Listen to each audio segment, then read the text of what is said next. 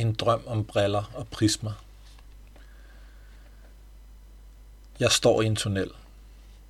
Luften er fuld af aske, og jeg har svært ved at orientere mig. For enden af tunnelen toner Dr. Manhattan frem.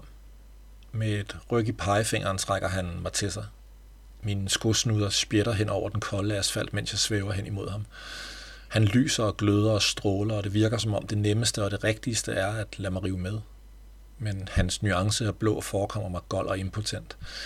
Og med en kraftanstrengelse, jeg ikke aner, hvordan jeg mønstrer, lykkes det mig at dreje rundt og at rette blikket mod tunnelens modsatte åbning, over mod skyggen af den afkræftede dreng i kørestolen.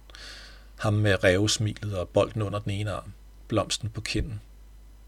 Han kan ikke noget selv. Ikke længere. Men hans medmenneskelighed er intakt. Troen på det gode og det smukke og på drømmene stråler ud af ham i en aura så uigendrivelig elektrisk blå. Med abrupte bevægelser af torsoen skubber han sine visne arme frem i sit skød. De ligner slatne, plukkede fuglevinger med ti senede fingre, der er knyttet i skrøbelige næver. Han åbner dem. Mørke briller i den ene og en prisme i den anden. Vælg.